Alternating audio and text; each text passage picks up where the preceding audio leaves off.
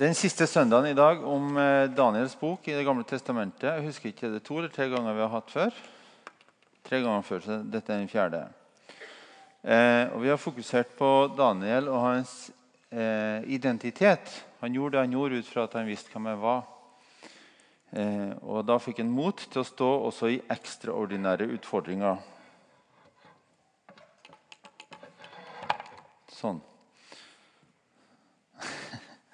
Jeg prøver bare å få bordet til å stå. Eh, vi har hatt eh, en bibelleseplan det, som vi har delt ut til menigheten, og som dere har fått i døra. Eh, og eh, for dere som har fulgt den eh, Eller det virker jo som en del har fulgt disse bibelleseplanene. da. Eh, for vi har fått en del spørsmål. Hva med alt, alt i Gamle testamentet som handler om blod og krig og voldshandlinger? Så sist uke, eller uka som var, onsdag så setter vi opp en temakveld der vi adresserte dette med, med, krig og vold. Det var fullt kapell. Eh, inn ekstra stoler, og det ble tatt opp på film. Eh, så det, i all beskjedenhet, den ligger på YouTube nå. Eh, under IMI Institutt sin eh, YouTube-kanal. Eh, så bare gå inn der og, og se eh, hvis dere er interessert i det temaet. Eh, og jeg tenker også, sånn sett at Talen i dag kan fungere som en eh, kommentar til bibellesninga som dere har. Eh, også når dere skal over på, på Nehemia etter hvert. Men i dag er det Daniel vi fokuserer på. Og har du ikke lest Daniel så Det tar en 20-30 minutter å lese gjennom Daniels bok. Det er vel anvendt tid. Vi skal ta en liten recap. da eh, sånn historisk så ble hele Judalandet avfolka på begynnelsen av det femte århundret før Kristus. Eh, storparten av folket ble deportert eh, fra Juda til Babylon, et ganske langt stykke, og kun noen få ble værende igjen. Eh, I Babylon så bodde jødene stort sett i en getto. Um, og det skjedde med de som ofte skjer når et folkeslag er i eksil. Det ble viktigere å søke Herren, det ble viktigere å søke Gud. Eh, og de fornya seg eh, egentlig. Ble fornya på, på, mange måter. Eh, flere av profetene vi leser, var aktive i den tida. Og flere av salmene i Bibelen ble til i Babylon. Eh, og så var det Daniel og de tre vennene hans som fikk helt, spes helt spesielle stillinger. De fikk helt spesielle oppgaver og tillit hos kongene. Og, under, eh, og de var under fire konger, eh, tjente Daniel. Fire konger i tre forskjellige regimer eller riker. Det var babylonske, det persiske og det mediske. Eh, og under det helt urimelige press eh, så fikk eh, mellom på ene sida å fornekte Gud og dermed bli eh, kasta i ilden, eller løvens skap Nei, ja. På ene sida fornekte Gud og bli berga eh, av kongen til å velge Gud Altså ikke delta i avgudsdyrkelse. Velg Gud. Og med konsekvens å bli kasta til løvene eller, eller, i ilden. Så velger jeg med å holde fast på troen på Gud, for så å bli frelst fysisk. Men også lede disse kongene til en erkjennelse at det fins bare én Gud. Han vi tror på, og han vi tilhører. Daniels bok har tolv kapitler. og Grovt sett er boka delt i to med at de seks første kapitlene er fortellerstoff, historiestoff. Eh, og de seks siste kapitlene er profetier, åpenbaringer og syner eh, som strekker seg inn i, inn i endetida. Eh, og sånn sett Når du går fra kapittel 6 til kapittel 7, så spoler du egentlig litt tilbake i tid. fordi at da kommer noen og forteller livet hans, og så forteller vi synene han fikk mens han levde. Så Sånn sett er, kan det være forvirrende at de samme navnene på kongene kommer igjen eh, på forskjellig tid. Men, eh, men eh, historien og så er det åpenbaringene. Nå er det åpenbaringene vi skal snakke om i dag. Um, og jeg tenker vi kan snakke om tre ting der. Det ene er hvordan forholder vi oss til en bibelsk åpenbaring. En åpenbaringstekst. Det andre er det, det står veldig tydelig om menneskesønnen. Og det tredje er Gudsrikets seier. Jeg tenker å holde meg til de tre tingene der. Eh, hvordan forholder vi oss til en profeti eller åpenbaring? Jeg tenker to grøfter her og dette i. Vi skal kjøre midt på veien. Den ene grøfta er å eh, ikke forholde seg til det i det hele tatt og bli apatisk og liksom Nei, dette er ikke for meg. Og det andre grøfta det er å da eh, bli veldig sånn eh, ord for ord at sånn betyr dette i dag. Eh, jeg mener begge er eh, eh, feil. For at her så tenker jeg nei, dette, dette, er ikke Guds ord. Det er nesten som vi bruker saks og klipper ut det som ikke passer. Og på andre sida så kan det skape frykt og binde oss eh, unødvendig. Det vil ikke du ha noe av. eh, det er mulig flere enn meg, bare som et eksempel. Da når jeg var liten, så debatterte de EF. Ehm, og vi hadde jo bare én eh, TV, det var NRK. Uh, og de var jo opptatt av det av og til. Og Dessuten så var det en del på bedehuset, og da var det en del talere som var opptatt av EF. Og, um, og det var jo ikke bare det at de mista eh, tilskudd til gårdsdrifta. Men det var jo òg fordi at eh, det dyret med de ti hornene, det var jo EF. Eh, så hvis vi ble med i EF, så var vi nærmest på Antikrists side. Det humres litt, av dere som husker det. Men nå er det 28 medlemsland i EU, så det er ikke dyret i åpenbaringen lenger. Den var dyp. Um, nå er det riktignok mye i landene sin politikk og, og, og i folk sine valg som er kritikkverdig. Eh, men det er nok en, mange en predikant som i iver etter å liksom kalle folk til omvendelse har spredd unødig med frykt eh, og tolka en del bibelsteder litt langt. Jo visst så handler Daniels bok om en, både endetid, trengsel, oppstandelse og dom.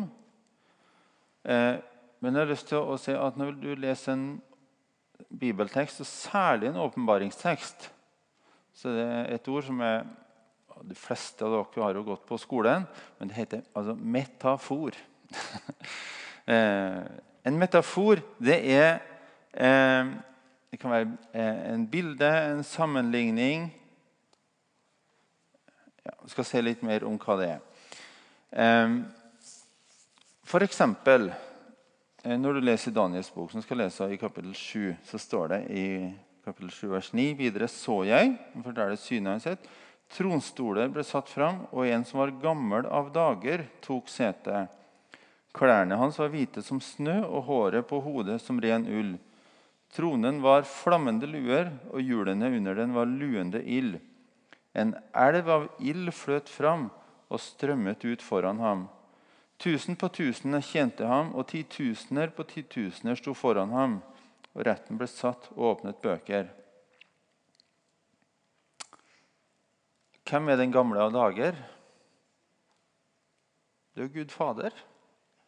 Eh, altså, eh, han som eh, Og det er kanskje her vi har forestilling om Gud som en gammel mann med skjegg. Jeg vet ikke. Eh, men det, det, er litt det bildet du får når du leser teksten. Eh, men, hva, men, hva, sier det? Jo, det sier noe om Guds En som alltid har vært. Det sier noe om hans majestet, det sier noe om hans makt. Det sier jo ikke noe om hans utseende, egentlig. Um,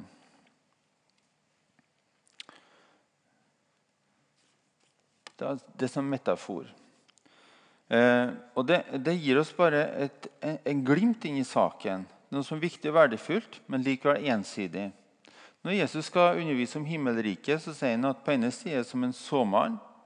Men så er det i samme, samme eh, kapittel så er det å sammenligne med en bonde, en kjøpmann, en perle, en skatt, en fiskenot, sennepsfrø surdeig. Altså, Det er ulike glimt inn. Det er himmelriket sånn, og så kan vi se himmelriket sånn, og så kan vi se himmelriket sånn. Eh, og Det er litt karakteren til åpenbaringstekstene nå. Trekker fra eh, persiennene litt og kikker gjennom. Du ser ikke hele bildet, får noen glimt eh, av hva som kommer. Um, det som kjennetegner en metafor, er at han presenterer noe som er kjent, og så legger til noe som er ukjent. Eh, og Til sammen så gir disse ulike glimtene oss et bilde av hva som er.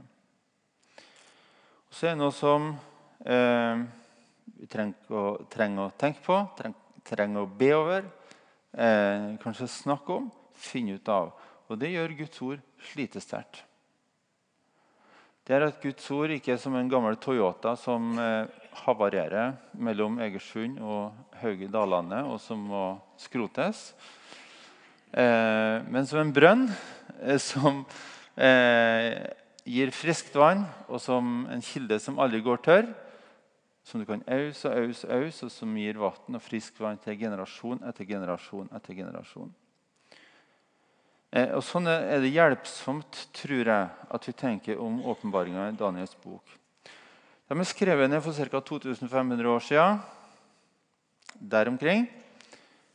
Og de ordene som ble brukt når Daniel skulle beskrive det han så om framtida, måtte han jo gjøre på bakgrunn av ord han hadde fra sin erfaring.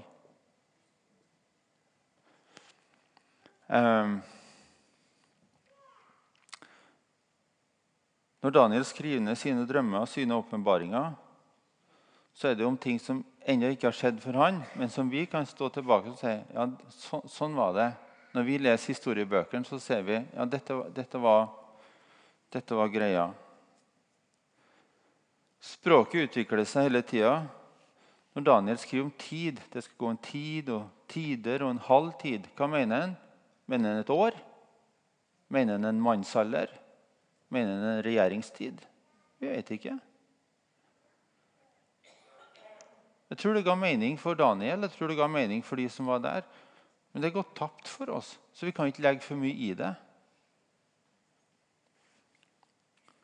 Og Poenget er eh, at når tolkningene spriker, så utrolig som de er blant teologene, så kan du som bibelleser, og det håper jeg du er, tenke at det er flere mulige scenarioer ut fra teksten.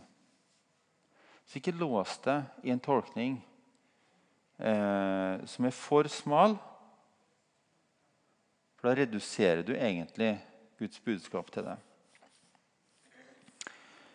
Kan, det, det, det, som vi kan si med sikkerhet, det er at det kommer til å bli en trengsel for Guds folk i endetida. Men hvordan, når og hvor lenge, det kan vi egentlig ikke si noe om ut fra teksten. Du kan si noe om lengden. En kort trengsel, lang fredstid. Ja, det går an å si. Men, men, men uh, Jesus sa det jo veldig tydelig. Det er ikke oss å kjenne til tider, dato, minutt og sekund. Det kjenner bare, bare Gud. Eh, og Samtidig, eh, når vi eh, kan være frista til å begynne å, å, å definere f.eks. antikrist eller den lovløse, som han blir kalt. Jeg har hørt predikanter si at det er paven. Så jeg har hørt at det, det skal være generalsekretæren i FN òg. Og det som er helt sikkert, at det kan ikke være begge. og sannsynligvis ingen av dem. Eh, og Poenget er at vi ofte er frista til å si mer enn det er dekning for ut fra Guds ord. Jeg rota meg bort i en Facebook-diskusjon her om en kveld. litt, Eh, det var så sent på kvelden at jeg egentlig skulle ha lagt meg. Eh, og da var, det var, men det handler om den skytinga som var i Las Vegas for noen dager siden, der 59 ble, ble, ble drept. Eh, tragisk hendelse. Eh, og så var det ei som skrev sånn Jo, Jesus hadde jo forutsagt det. Så det var jo det var bare, bare, å vente til at det ble sånn. For at når den lov, i en lovløses tid så skulle det bli sånn. Lovløsheten skulle bli stor. Men hvor er linken mellom Matteus 24 og Las Vegas? Eh, hvor er eh, hva med Rwanda? Hva med Darfur? Hva med eh, tsunamien? Altså, hva med 22. juli, Hiroshima osv.? Hvor, hvor er den direkte linken her? Det lurer jeg på. Eh, så jeg skrev at sånt går ikke an å si. så fikk jeg en hel tirade tilbake. Jeg har ikke svart ennå. Så sånn moment of clarity, ikke svar. eh, men det er kjempetragisk, det som skjer. Men hvis vi antyder at det er Gud som står bak, ja, da binder vi folk. Da stenger vi, da binder vi, og vi har jeg kan ikke se at vi har dekning for det. Et annet moment når vi leser profetiene, særlig de gammeltestamentlige, er hva er det som allerede har gått i oppfyllelse. Eh, mye av det Daniel skriver, handler om de rikene som skal komme fra, fra jødefolket i Babylon og framover til Jesus kommer, altså blir født. I de 400 årene der. Da er det det persiske, det greske, hvis jeg ikke tar feil, så blir det greske delt mellom Egypt og Syria, og så kommer Romerriket og tar over. Jeg er litt usikker på detaljene der, men hvem som helst kan slå opp i historiebok, og de kan se at sånn som det er beskrevet, med rekkefølge og sånn, det har skjedd. Um, disse dyreskikkelsene og disse hornene de passer inn i beskrivelsen av det vi nå vet men som de ikke visste på den tida dette ble skrevet. Så jeg har lyst til å si noe om profetiene i Det, i det gamle testamentet. Det er jo budskap som ofte har en sånn tretrinnsrakett. Um, um, nå har vi jo prosjektor, da, men i gamle dager hadde vi lysbildeapparat. Uh, og vi har et ennå. Uh, og da kunne vi henge opp et laken i stua og trekk for gardinene, og så kan du vise lysbildet. Sett det oppi. Hvis det er kort, kort uh, vei fra, skjermen, nei, fra, fra uh, apparatet til skjermen, så får du et lite bilde, men du får det veldig skarpt. Du ser alle detaljene. Flytter du litt lenger unna, så har du litt større uh, bilde. Litt mer utskarpt. Hvis du går helt hit, da kan du få et kjempestort bilde det er ganske sånn blurry på, på det. Eh, og Noen av profetiene har en nærmest umiddelbar oppfyllelse, for profetene tar det ofte inn i sin samtid. Og folk som hører det, skjønner ja, ja dette, det, det, er dette vi snakker om. Og så ser de at det skjer. Det neste handler om, ofte om Jesus. Eh, Jesu fødsel. Og Vi ser at Det nye testamentet tar fatt i profetia i Det gamle testamentet som i den første meningen ble sagt om den tida der, men de brukes på Jesus. De er også en profeti om Jesus. Så det som var Guds frelseshandling for sitt folk der, snakkes om vår frelse i Jesus nå. Men så har det ofte et enda større bilde som handler om eh, dommen og den endelige frelsen. Eh, ja. Hvordan forholder Daniel seg til profetien? Jo, han reagerer. Eh, vi ser flere plasser, f.eks. i kapittel 7, vers 15. Jeg, Daniel, ble urolig i kropp og sjel. Synene som gikk gjennom hodet mitt, skremte meg. Jeg gikk bort til en av dem som sto der, og ba ham om en pålitelig forklaring på alt dette. Han svarte meg og fortalte meg hva synene betydde. Altså, jeg kjenner, Dette forstår jeg ikke. Jeg må spørre. Sant? Eh, det, det, er jo fornuftig. Daniel, som var ti ganger visere enn alle andre, han spurte. Det er interessant. Eh, I kapittel 8, vers 27 så står det Og jeg, Daniel, lå syk i flere dager, men sto så opp og gjorde igjen min tjeneste for kongen. Jeg var full av undring over synet og forsto det ikke. Tar imot det, registrerer det, skriver det ned kanskje. Full av undring. Jeg forstår det ikke. I kapittel 10, vers 2. På den tid hadde jeg, Daniel, vært i sorg i tre uker. Ja, det ga, det ga han en sorg å få kjennskap til denne hemmeligheten. Um, ja, og, og, og, Lenger ut gjennom kapittel 10 kan du se hvordan hvordan han, reagerer. Men det er noe med det. Av og til så, så viser Gud oss ting for at vi skal be om det.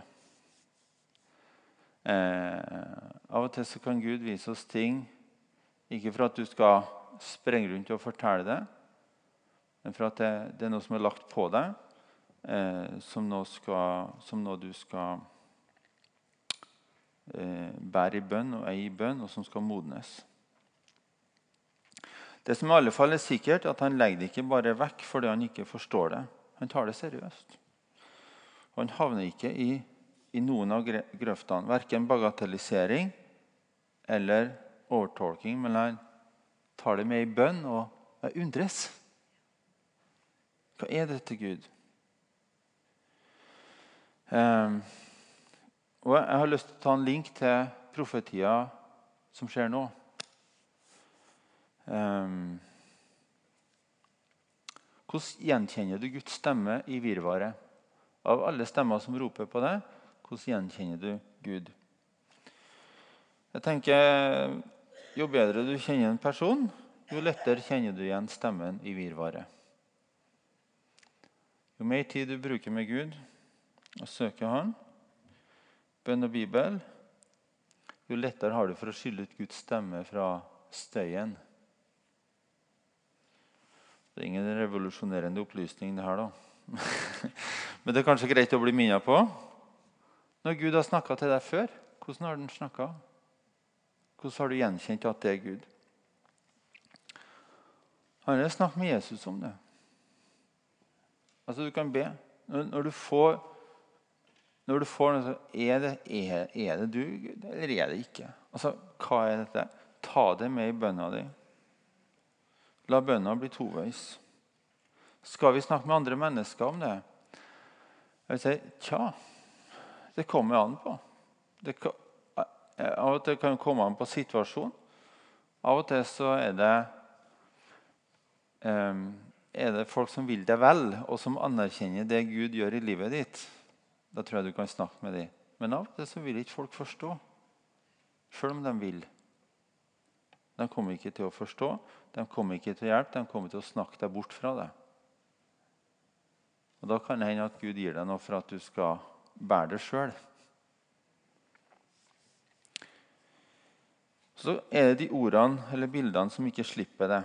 Og Det kan hende du får de samme profetiske ordene her og der og der og der.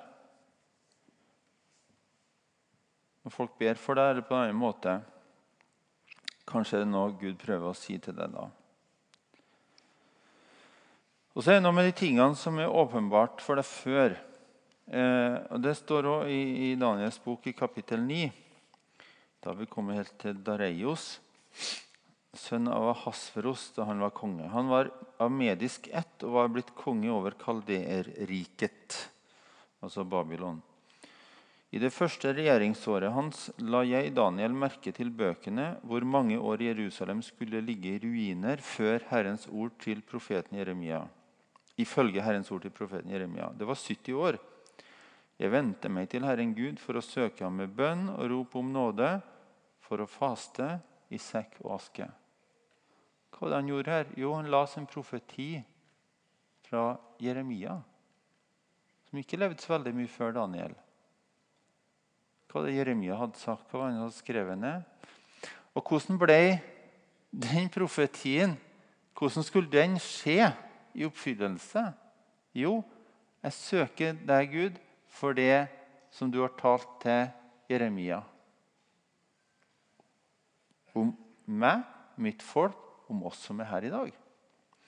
Og det kan være litt sånn eh, Vi går så fort og jager etter neste, men hva er det Gud har sagt til deg før? Hva er det han har snakka med deg om? Og hva er det vi har i, i ordet? Hvordan skal vi forholde oss til det? Uh,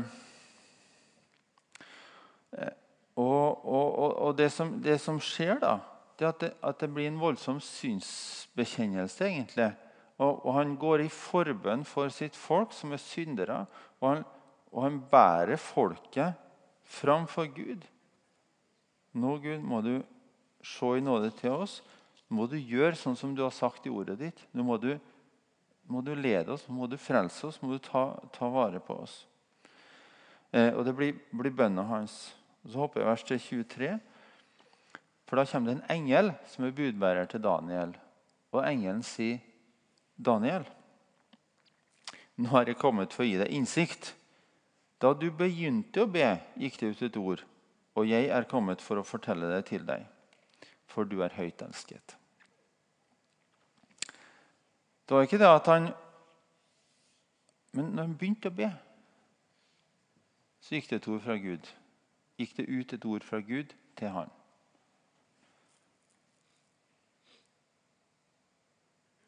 En profeti, nedskrevet eller ikke, er ikke bare informasjon. Det er en invitasjon.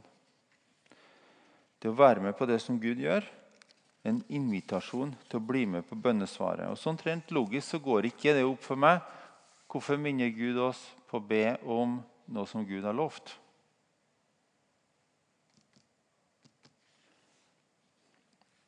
Kanskje han vil at vi skal bli en del av bønnesvaret.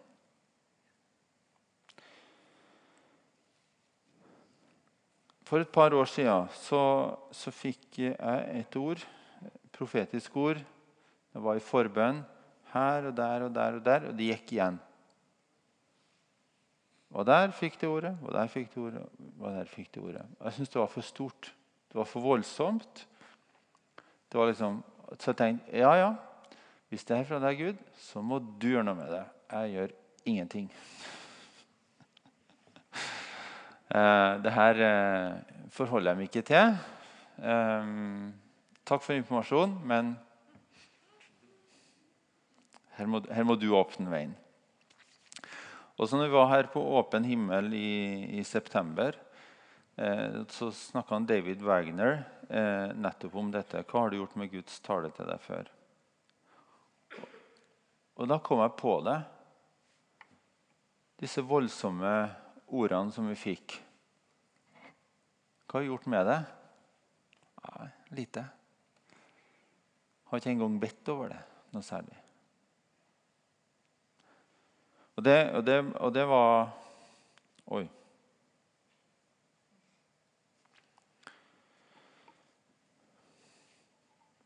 Helt fra den dagen du begynte å be, gikk det ut et ord, sa engelen til Daniel. Eh, og Daniel han ble faktisk nøkkelen til jødefolkets retur til Jerusalem. Der de på ny skulle forme det samfunnet som Jesus en natt skulle fødes inn i 500 år senere. Fordi han lytta, han ga akt på ordene fra Gud og ba over dem, må ditt ord skje. Og det ber vi jo i Fader vår òg. La din vilje skje i himmelen så på jorden. Eller så kan jeg henvise til Egil Elling sitt blogginnlegg på imikirken.no denne uka som var. Gå inn der og les. Eh, jeg har lyst til å si, Nå, har jeg kommet til punkt to. da. Eh, to av tre. Eh, menneskesønnen. I kapittel 7, vers 13 så står det så i mine nattesyner Se, Med himmelens skyer kom en som var lik en menneskesønn. Han kom bort til den som var gamle av dager, og ble ført fram for ham. Han fikk herskermakt, ære og rike, så alle folk og nasjoner og tungemål skal tjene ham. Hans herskermakt er en evig makt som ikke skal få gå, og hans rike går aldri til grunne. Når Jesus snakker om seg sjøl, særlig i Matteusevangeliet, så han, kaller han seg sjøl for menneskesønnen. Det er en litt sånn pussig ting å si om seg sjøl. Hva, hva tenkte folk når Jesus snakka om seg sjøl i tredje person, som menneskesønnen? Ja, du spiser jo, du drikker, går på do, du snakker. Jeg kan ta på det. Ser ut som et menneske. altså, Var problemet at han var menneskesønn eller Guds sønn? Hva var verst å forstå? Han ble i hvert fall korsfesta fordi han var Guds sønn. Han sa om seg sjøl at han var Guds sønn. Det var det jødene ikke tålte å høre. Så jeg tenkte på, Bruker Jesus ordet 'menneskesønnen' for å liksom gå litt under radaren? Og måtte ikke, ikke, bli, ikke bli tatt? Um, Jeg tenker at Jesus brukte ordet 'menneskesønnen' om seg sjøl for å vise at han er den som Daniels bok handler om. Eh, Daniels bok handler i bunn og grunn tror jeg, om Jesus og om Guds rikes seier. Eh, for det står om Jesus. Eh, han fikk herskermakt, ære og rike, så alle folk og nasjoner og tungemål skal tjene ham. Bru rett over i Johannes' åpenbaring ny himmel og nye jord, der folk tilber Jesus. Jeg hadde en eh, jøde på besøk for noen år siden.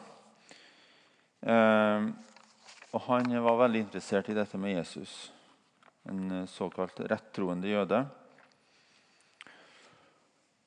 Eh, og han sier for oss er Daniels bok en lukka bok. sa han. Og Det står jo det i Daniel at det er lukka bok. Og så sier, så sier Var Jesus den som hadde makt til å åpne den for oss? Men Jesus kunne jo ikke være Messias, sa han. For Messias kunne jo ikke lide og dø. Messias skulle jo være seierherren, den som har herskermakt, den som har ære. Han kunne jo ikke dø på et kors. Den skammen kunne jo ikke Messias ta. Og så, og så er det skjult dette at Messias skulle komme to ganger. Første gang under korset, i fornedrelse, som et soneoffer. Andre gang som seierherre, som dommer, eh, som, som, som, mektig. Eh, korset og kronen. Lammet og løven. Og Så lever vi i dag i dette spennet mellom at Jesus kom og han kom igjen. Dette er allerede, ennå ikke. Og Jeg lurte på hvordan jeg skal forklare det. Jeg har et, har et bilde, men det er kanskje litt, litt, flatt. Men likevel, jeg lar det stå til. Eh, på julaften eh, Du har vært den siste turen på Kvadrat. Eh, treet pynta, steika i ovnen, gavene under treet. og det, er musikk. Julen, julen, julen, den er her. Men du har jo ennå ikke sett deg til bords og ennå ikke åpna pakkene. Så jula er allerede, men ennå ikke.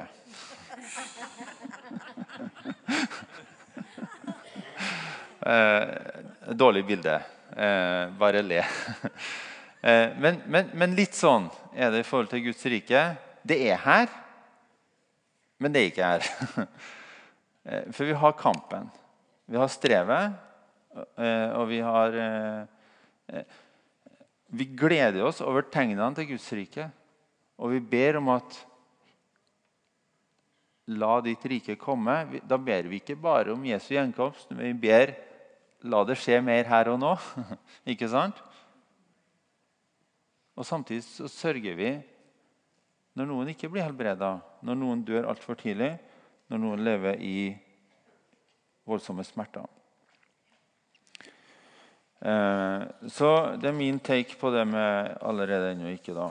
Men, men, men eh, eh, Dypest sett så tror jeg Daniel handler om Jesus og er en profeti om han. Eh, og Når du leser Daniels bok og alle disse rikene og fabeldyrene og englene og alt dette, så det er litt sånn Game of Thrones. Eh, da. Det dukker opp i hodet, disse scenene. Og Det er spennende om en vil sette seg inn i, i eh, profetiene og historien. Og Det er masse om verdensrika. Men Daniels bok handler ikke om disse rikene. Og det handler ikke om trusselen, men det handler om seieren. Det handler om hans rike. For rikene de stiger og de synker, de kommer og går. De varer en generasjon, de varer ti generasjoner. Og så er det noen nye som er overtatt. Og Vi kan ikke sette vår lit til staten eller NSB eller DNB eller oljefondet eller pensjonsfondet eller oljeprisen eller forsikringsselskapet. Det er greit å ha tillit til folk. Jeg mener ikke at vi skal gå rundt og ha mistillit til folk. Men vi kan ikke ha den grunnleggende tilliten vårt, vår til menneskelig system. Men det er noe som er sikrere, noe som er større, noe som er evig. Som vi kan legge vår tillit i. For hos Jesus og i Guds rike så er det eneste stedet vi kan få legge av oss det som tynger å få fred med Gud, fred med hverandre og fred med oss sjøl.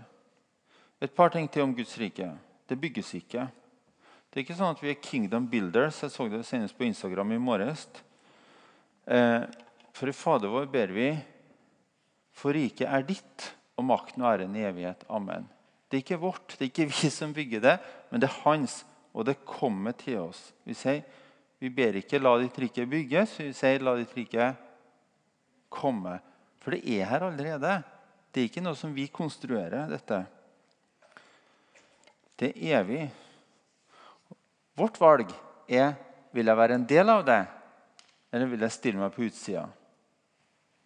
Vil jeg være med på det som Gud gjør, eller vil jeg ikke forholde meg til det? Det tenker jeg, det, det er et valg vi har. Um, Guds rike er allerede bygga, om du vil. Og Det var det riket Daniel forholdt seg til. Han visste at der hadde han sin identitet, der hadde han sin base, der hadde han sin trygghet. Der hadde han sin hvile. Dit gikk han når det var vanskelig.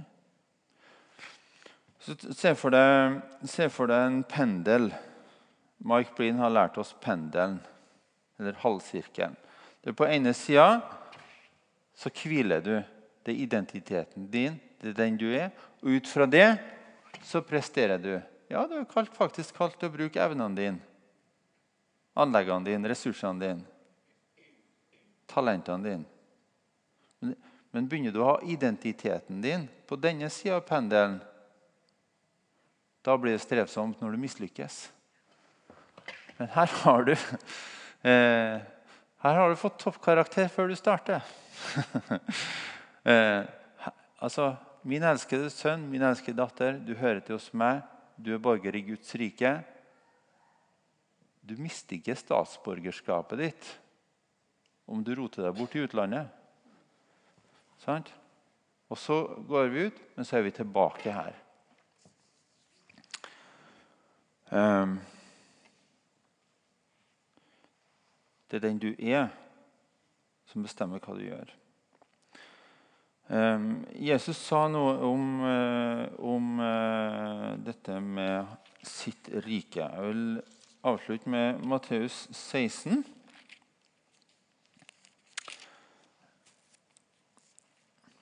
Vers 24. Deretter sa Jesus til disiplene.: Om noen vil følge etter meg, må han fornekte seg selv og ta sitt kors opp og følge meg.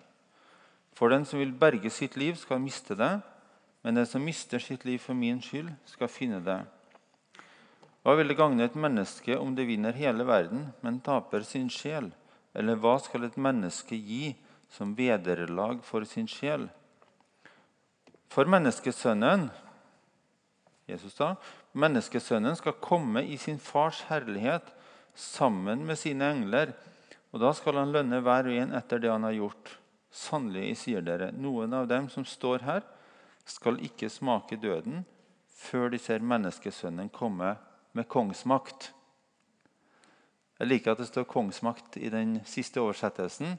For det er det samme ordet som er brukt om rike ellers. Guds rike, Guds kongsmakt. De har skjønt det i Bibelselskapet. Eh, endelig. Nei da.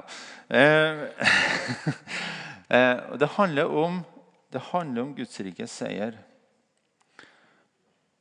Og så For oss så handler det om å, om å miste oss sjøl. Men i det så finner vi oss sjøl. Og det er et paradoks der. Daniel han måtte dø bort fra seg sjøl flere ganger. Daniel og vennene hans sa Vet du hva, herre konge? Det kommer ikke på tale for oss å tilbe noe andre enn Gud. Da får du heller kaste oss i ildovnen. Og vi vet at Gud er mektig til å berge oss derifra. Men om han likevel ikke skulle berge oss derifra, så vil vi likevel ikke tilbe noen andre. Det kaller jeg å dø bort fra seg sjøl. Da, da, vet du hvor du har identiteten din hen. Da vet du hvor du står. Um,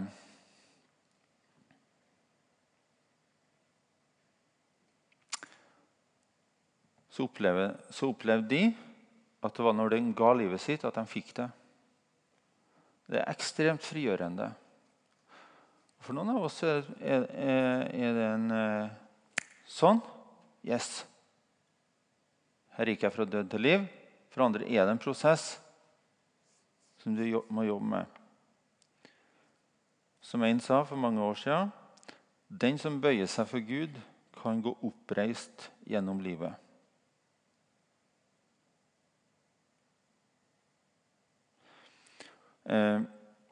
Vi har snakka eh, litt om å forholde seg til, til profeti og åpenbaringer. Vi har snakka om Jesus som menneskesønnen, og vi har snakka om Guds rikets seier.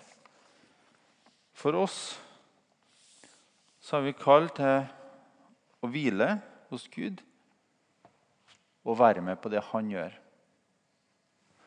En som sa det sånn og har det så travelt og har, det, har så mye å gjøre og rekker ikke overalt. Men du har alltid nok tid til å gjøre det Jesus ber deg om. Du har alltid nok tid, alltid nok ressurser, alltid nok energi til å gjøre det Jesus ber deg om. Det kan hende at mye av det vi strever med, ikke er fra Gud, men eh, noe som vi sjøl har bestemt oss for. Jeg lar det være utfordringene. Guds rike er seier er sikker. Takk deg, Jesus, for at eh, det handler ikke om oss, det handler om deg. Det handler ikke om eh, vår eh, tilkortkommenhet, men det handler om din seier. Eh, takk at du er menneskesønnen. Eh, og uansett eh, hvordan vi velger å forholde oss til det, så, så har du vunnet seieren for oss, Jesus. Jeg bare ber at du hjelper oss å, å se det, hjelper oss å, å ta imot det. Eh, og hjelper oss å omsette det i hverdagslivet vårt. Jeg ber at du fortsetter å tale til oss. Så må du hjelpe oss å gi akt på eh, din stemme og følge den. Gjør oss til et folk som eh, legger oss tett opp til ditt bryst og som lytter til deg. Hva du vil si oss. Takke deg, Jesus, og prise ditt navn. Amen.